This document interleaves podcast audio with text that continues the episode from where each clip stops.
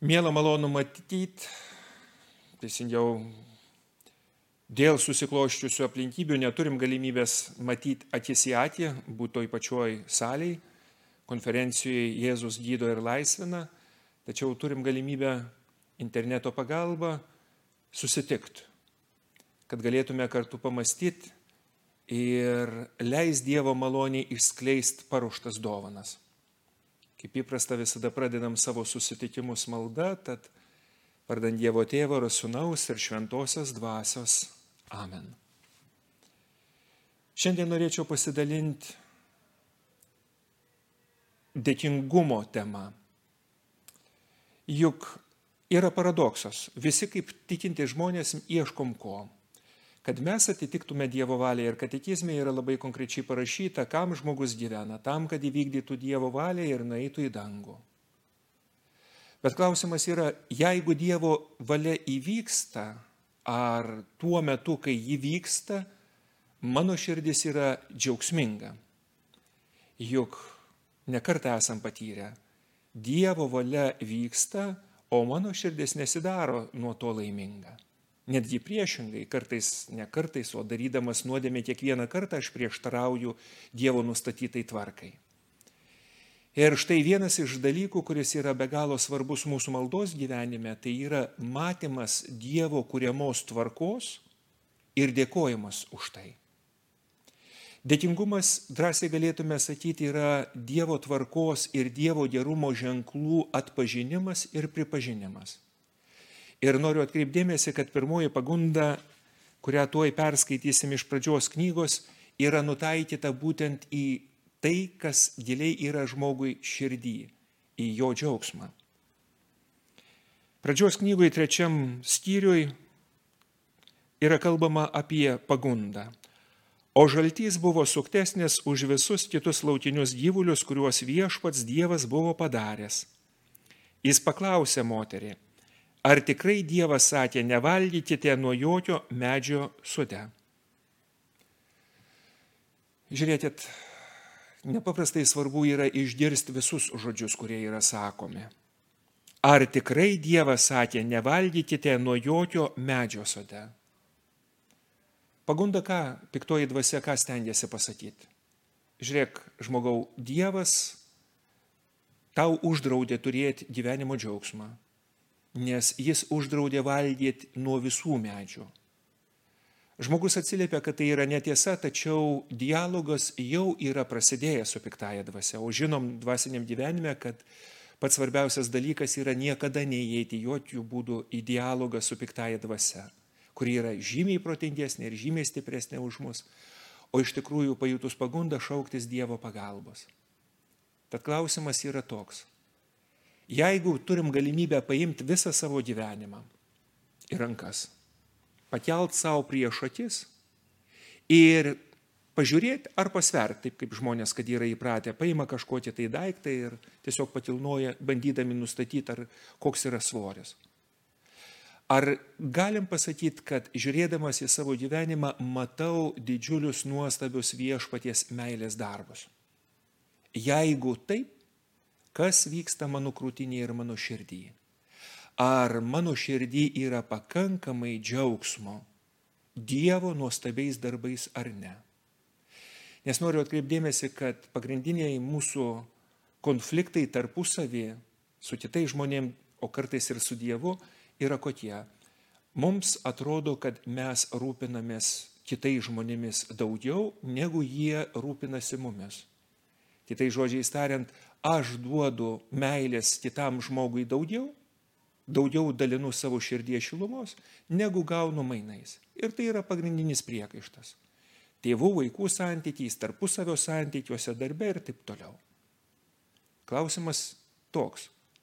Ar Dievas man davė pakankamai daug, kad mano širdis galėtų sužydėti dėkojimu ar ne? Ir kiekvienas tyrinėdamas savo gyvenimą turim atsakyti, kaip šiuo metu man, mano gyvenimo tikrovė priima mano širdės. Gyvenime yra be galo svarbios dvi knygos. Pirmoji knyga tai yra Šventasis raštas, kurį skaitom, tai yra Dievo žodis, kuris atneša šviesą, kuris iš tikrųjų paaiškina, kas yra Dievas, kas mes esam žmonės. Kita lygiai tokią pat knygą galėtume sakyti, tokią pat storą, o galbūt net šiek tiek ir storesnę, yra mūsų gyvenimo patirties knyga. Tai yra, kai gimė, mes gavom viršelius. Ir po to kiekvienas puslapis yra mūsų kasdienybės diena. Ir tą dieną yra tame puslapį viskas surašyta. Mintys, džiaugsmai, rūpeščiai, problemos, viskas. Svajonės, troškimai. Įsivaizduokit, šiai dienai mūsų gyvenimo patirties knygoje yra surašytos visos dienos, kurias mes jau nugyvenom. Neveltui Senajame testamente vienoje iš psalmių yra Dievo prašymas. Susiskaičiuokit savo gyvenimo dienas, kad jūsų širdis išmintinga paliktų. Jeigu turim 50 metų, tai mūsų gyvenimo patirties knygoje jau yra šiek tiek daugiau nei 18 tūkstančių dienų. Ir štai mes matom ir primam visą tikrovę ir ją interpretuojam, todėl kad toje mūsų gyvenimo patirties knygoje yra visa tai surašyta. Ir dabar kyla klausimas, o kiek tuose įvykiuose ir nutikimuose aš atpažįstu Dievo gerumo ženklus? Kaip žiūrėdamas ir matydamas visą savo gyvenimą, drąsiai galėtume sakyti, kilnodamas ar sklaidydamas, aš atpažįstu ir už ką pradžiunga mūsų širdis. Žmogus turi tris galias, tai yra protą, valią ir jausmus. Ir visi trys, visos tos trys galios turi dalyvauti dėkingume. Pradėkime nuo mūsų žmogaus proto. Žiūrėdami į visus įvykius, kurie nutinka mūsų gyvenime, mes turim galimybę pripažinti, kad tai iš tikrųjų yra dovana. Dovana tai yra tai, kas mums nepriklauso, bet mums yra duota. Ir jeigu nebūtų duota, to mes neturėtume. Nereikia turėti daug gyvenimo patirties, kad galėtume pasakyti, kad iš tikrųjų ne aš pats sukūriau visą šitą pasaulį. Tačiau protas turi galimybę ir pritart, kad visa tai, kas vyksta, vyksta kaip dovana, tačiau gali iš tikrųjų ir pasiduotingumui. Kai mes žiūrim į viską, kas vyksta mūsų gyvenimo tikrovėje ir primam tai kaip savaime suprantamą dalyką. Protas tiesiog yra per daug tingus, kad galėtų kažką atpažinti ir galim trūkti pečiais ir pasakyti, bet juk visada tai buvo. Ir jeigu toks apsnūdęs protas, tai mūsų širdies niekas nebedžiugina. Tada netgi patys gražiausi dalykai, tai gali būti gamta, tai gali būti šalia esantis žmonės, nedžiugins mūsų širdies. Vaivorykštę mes primsim kaip savaime suprantamą dalyką. Gimstantį vaiką mes primsim kaip vėl natūralų, tarsi taip turėtų būti ir kodėl turėtume mes džiaugtis, nežinom, kad ir kitą pavasarį lygiai taip pat žydės gėlės. Tačiau jeigu mūsų protas yra pakankamai budrus ir neužsnūdęs, jis gali pamatyti ir pamatęs šitoje tikrovėje nuostabius dalykus, tiesiog su nuostaba tampa dėkingu. Yra kitas kraštutinumas, kada mūsų protas yra ne tik apsnūdęs ir tindintis, tyrinėti tikrovę ir atpažinti, kad tai iš tikrųjų yra didžiulė dovana, kai mūsų protas yra per daug kritiškas, kai stengiamės iš tikrųjų išvelgti kai kuriuos dalykus netgi uh, ten, kur nėra kažkokių um, užkulisinių veiklų. Žinoma, puikiai suprantam, kad kai kurios dovanos gali būti mūsų gyvenime kaip kyšis. Kai šalia esantys žmonės nori, kad mūsų palankumui būtų priimti vienokie ar kitokie sprendimai ir tada yra dovanojamos dovanos.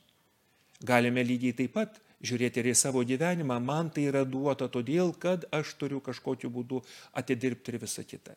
Ne, Dovana iš tikrųjų yra dovanojama todėl, kad kažkas nori pasidalinti gėriu, kurį ką turim.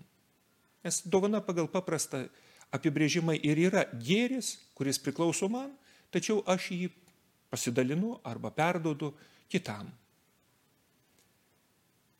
Kai sklaidom savo gyvenimo patirtį, sklaidom savo gyvenimo knygą, ką mato mano protas.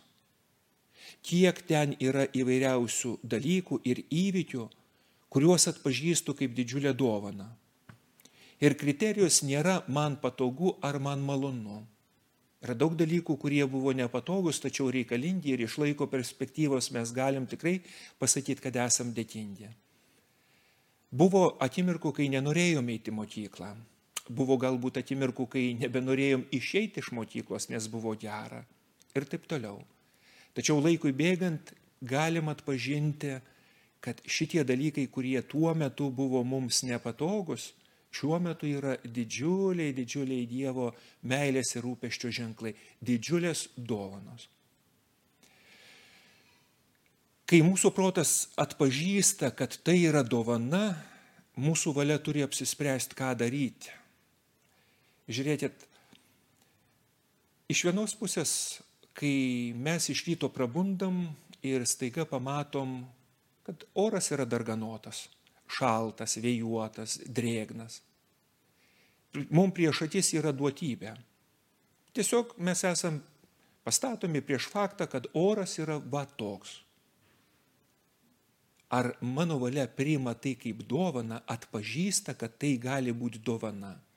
Ar mano valia iš tikrųjų pasiduoda susierzinimui, kad tai nėra taip, kaip aš noriu?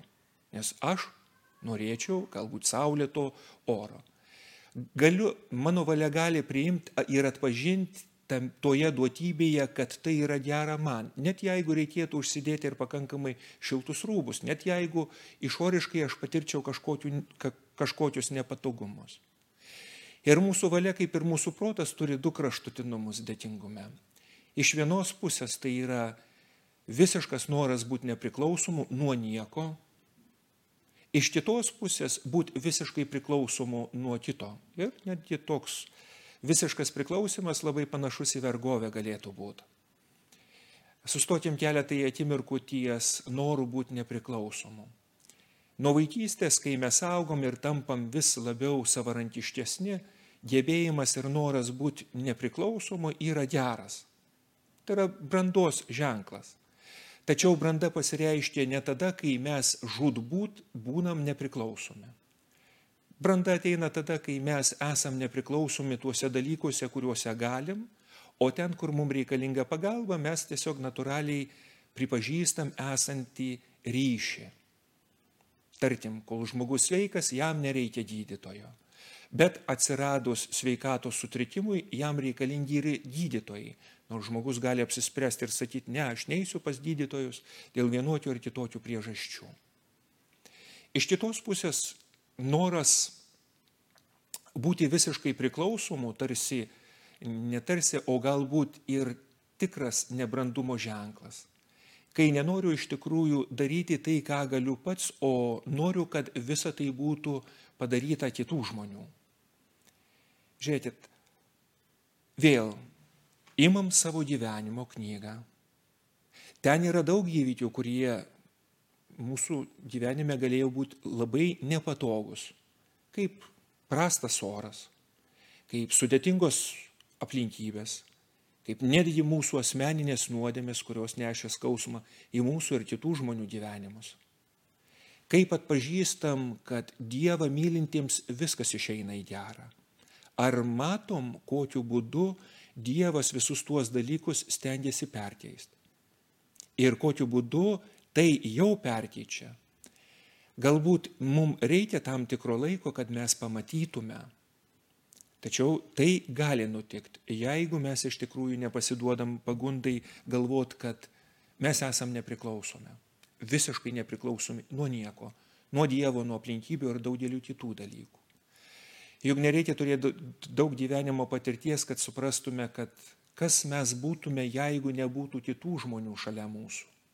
Jeigu nebūtų tėvų, jeigu nebūtų mokytojų, jeigu nebūtų draugų, galų gale kas mes būtume, jeigu nebūtų ir tų pačių priešų, kuriuos galbūt įvardyjam kaip priešais ar neprieteliais.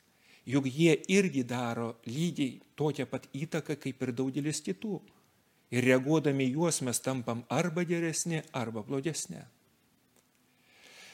Trečias dalykas, kuris be galo svarbus yra dėkingume, tai yra gebėjimas iš tikrųjų patirti džiaugsmą savo širdį. Ir mūsų jausmai tai yra tie, kurie praneša, kad va, kažkoks gėris nutiko mūsų gyvenime. Mums be galo svarbu yra suprast, kad iš dešimt Dievo įsakymų trečiuoju numeriu Dievas kalba apie ką? Švesk šventes. Pripažink, kad yra kažkas mūsų gyvenime, kas viršyje ir kad tą, kas viršyje, turim, vaizdžiai tariant, apipilti džiaugsmo. Kuo džiaugiasi tavo ir mano širdės? Imam gyvenimo patirties knygą vartom ją ir klausiam, kas džiugina mano širdį. Ar yra dar dalykai, kurie šiuo metu mane džiugina? Juk būna gyvenime tokių etapų, kai mes esam labai panašus į voveraitę, kuri yra um, rate. Kuo greičiau bėgam, tuo greičiau sukasi tas ratas. Ir į klausimą, kas šiuo metu džiugina mus, labai teoriškai galėtume pasakyti daug skambių žodžių, bet praktiškai mums reikia nurimti. Ir tas nurimimo procesas dvasiniam gyvenime yra be galo svarbus. Įsivaizduokim, šventasis raštas sako, Dievas yra geras tau ir man.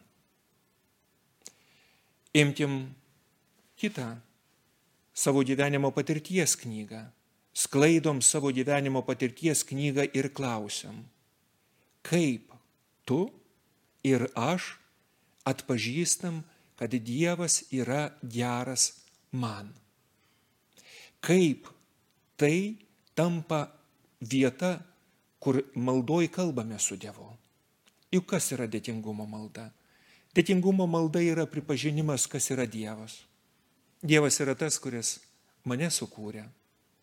Dievas yra tas, kuris mane išgelbėjo iš nuodėmių ir gelbsti toliau. Dievas yra tas, kuris vadovauja mano gyvenimui, palikdama ženklus, į kuriuos aš galiu atsakyti, arba kuriuos galiu ignoruoti, arba į kuriuos galiu net nežiūrėti. Koks yra Dievas iš mūsų gyvenimo patirties knygos? Jeigu nebus dėkingumo, daugeliu atveju išsikreips Dievo suvokimas. Atminkim tokį dalyką, šventasis raštas nuolat kalba apie tai, kad mes patirtume Dievo artumą ir gyvąjį Dievą. Juk prisiminkim, Jėzus buvo nukryžiuotas žmonių, kurie skaitė šventąjį raštą, citavo jį, tačiau tikroviai jo net pažino. Jie šventai raštą galėjo cituoti ištisai. O tikroviai atėjusio mesijo, apie kurį rašė šventasis raštas ir nepastebėjo. Aš ir tu galim skaityti šventąjį raštą ir jame bus parašyta, koks Dievas yra nuostabus ir geras. Ir čia galėtume pridėti Jonui, Petrui, Onutei, Kazytei ar dar kam nors. Ar Dievas yra geras ir lygiai tokia pat meilės himną sugėdojo tavo ir mano gyvenime. Ar mes atpažįstam, ar aš atpažįstu ir aš pradžiungu su Dievu pokalbį apie tai. Tai be galo svarbu yra. Dvasiniam gyvenime be abejo malda dažniausiai prasideda nuo ko? Nuo trūkumo. Kai mums trūksta kažkokių dalykų, kai yra nepatogus dalykai, Mes kalbame su gydytojais, su specialistais įvairių sričių. Ir kalbame, žinoma, ir su Dievu, nes trokštam kažko. Ar tai būtų vidinė laisvė, ar tai būtų dvasinė sveikata, ar tai būtų fizinė sveikata, ar tarpusavio santykiai. Ir tai yra nuostabus dalykas. Tačiau laikui bėgant ir augant mūsų tikėjimui, kai mes vis labiau pradedam suvokti ir suprasti, kad mūsų užduotis yra klausytis, ką Dievas sako apie save skaityti tas dvi knygas, šventąjį raštą, kur Dievas kalba, koks jis, kaip jis mylintis, kaip jis gelbsti. Ir lygiai taip pat sklaidyti savo gyvenimo patirties knygą ir atpažinti šitos dalykus. Dėkingumas visada yra susijęs su nuostaba. Aš nustembu, nes tai netikėta. Žinoma, Tūlas pilietis galėtų paprieštarauti ir sakyti, bet kaip galima nustepti, jeigu aš žinau, kad tie dalykai nuolat kartosis. Tarkim, kiekvieną pavasarį žinau, kad pasirodė žolė.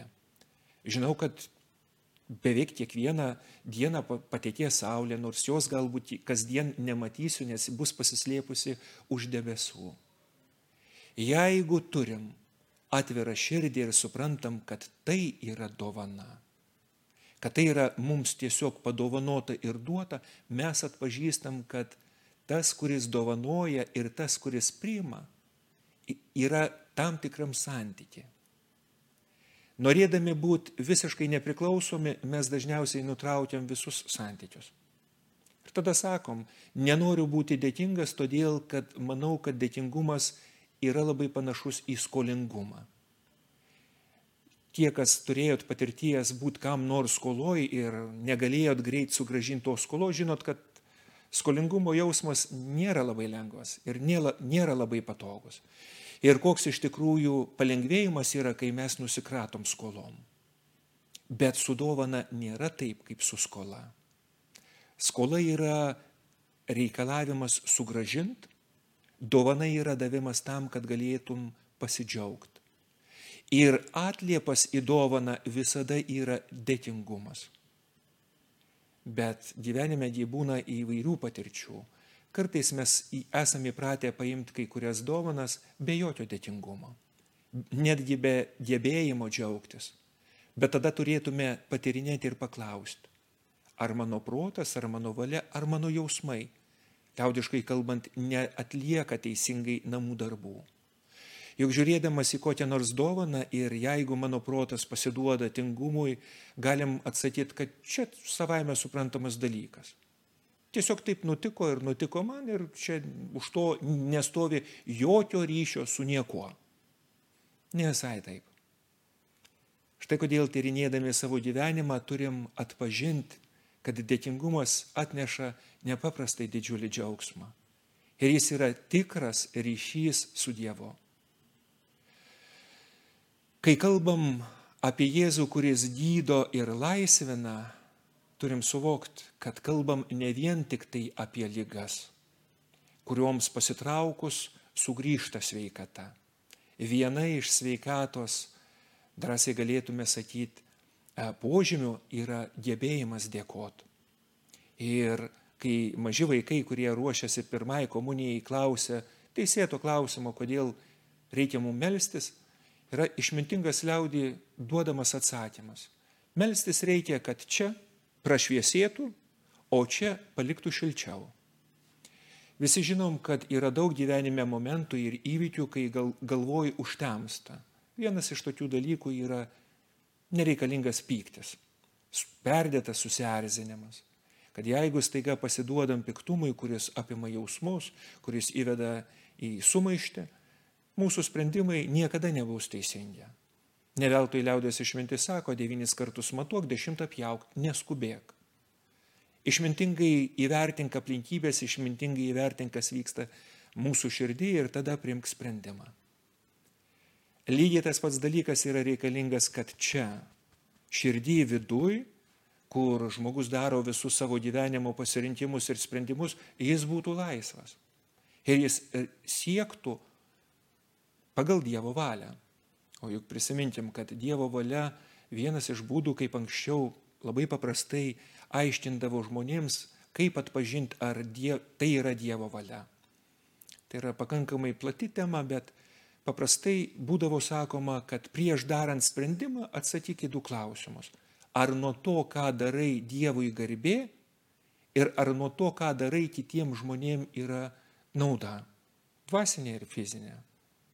Ir tada atpažinsim, kad daugelis tų dalykų, kurie, kuriuos mes karts nuo karto išvelgtume kaip gerus ar neblogus, nepraeitų pro šitą kriterijų. Bet koks teisybės nesakymas, bet koks nutilėjimas kai kurių dalykų, nuo to Dievui tikrai nebūtų garbės ir kitiems šalia esantiems žmonėms nauda.